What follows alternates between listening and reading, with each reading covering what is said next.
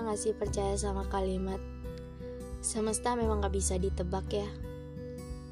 Dulu saya hampir gak pernah percaya sama kata-kata kalimat yang kayak kayak gitu tuh gak pernah percaya banget.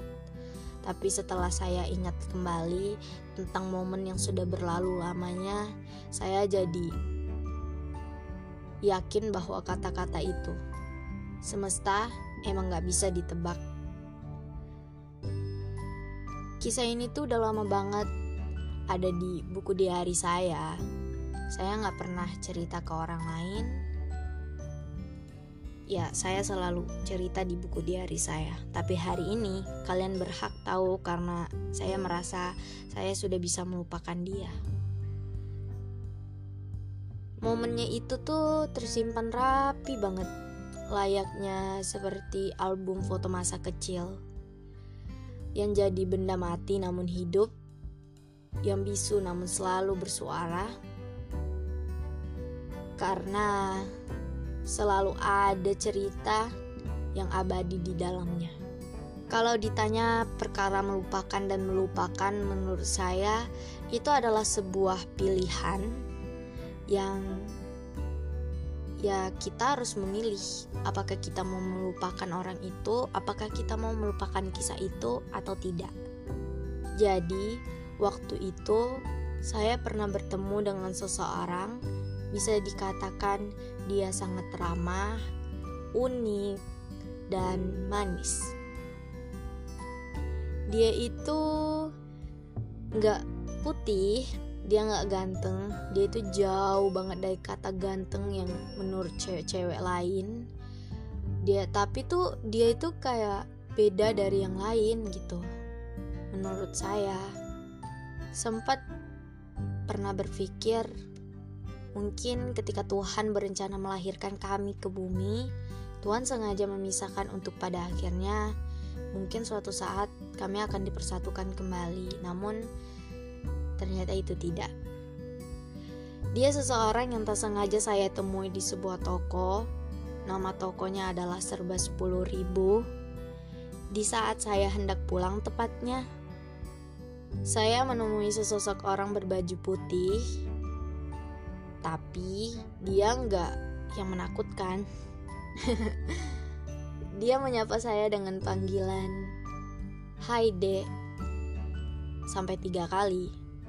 Saya tidak menghiraukan panggilan itu karena menurut saya itu hanya sebuah gombalan yang biasa anak laki-laki bilang.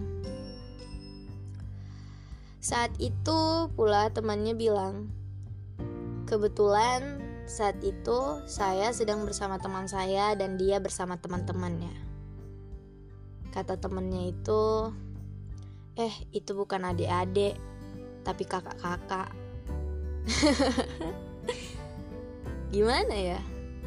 Lucu aja gitu pas dengar kalimat itu. Karena menurut saya saya lebih kecil umurnya dibanding mereka.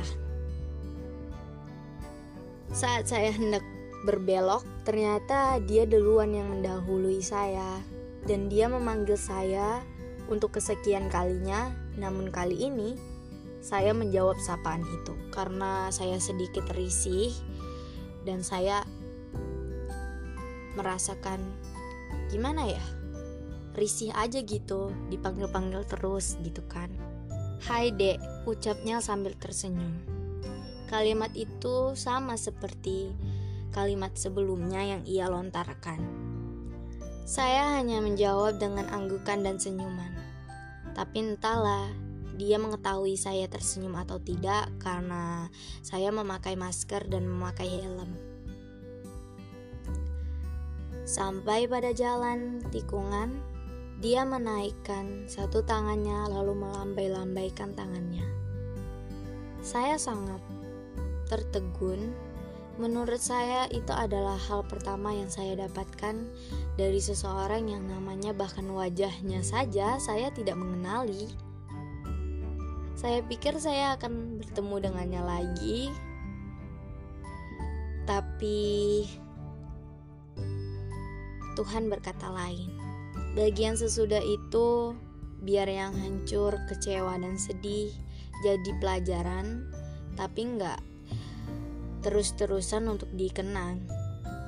Patah hati itu boleh, tapi harus kenal waktu. Jangan terus berlalu terus mati deh di tengah jalan. Dan gak lama, saya ketemu dengan orang baru lagi, namun saya gak ngerasain hal di mana sama seperti si baju putih. Saya salah, bukan orang lain yang harus saya cari, tapi saya mencari dirinya. Tapi saya nggak boleh egois dan saya harus sadar ketika kita mencari orang yang sifatnya sama dengan orang lain itu gak bisa sepenuhnya. Tapi karena dia, saya belajar bahwa seseorang yang saya temui dahulu belum tentu akan sempat bertemu kembali.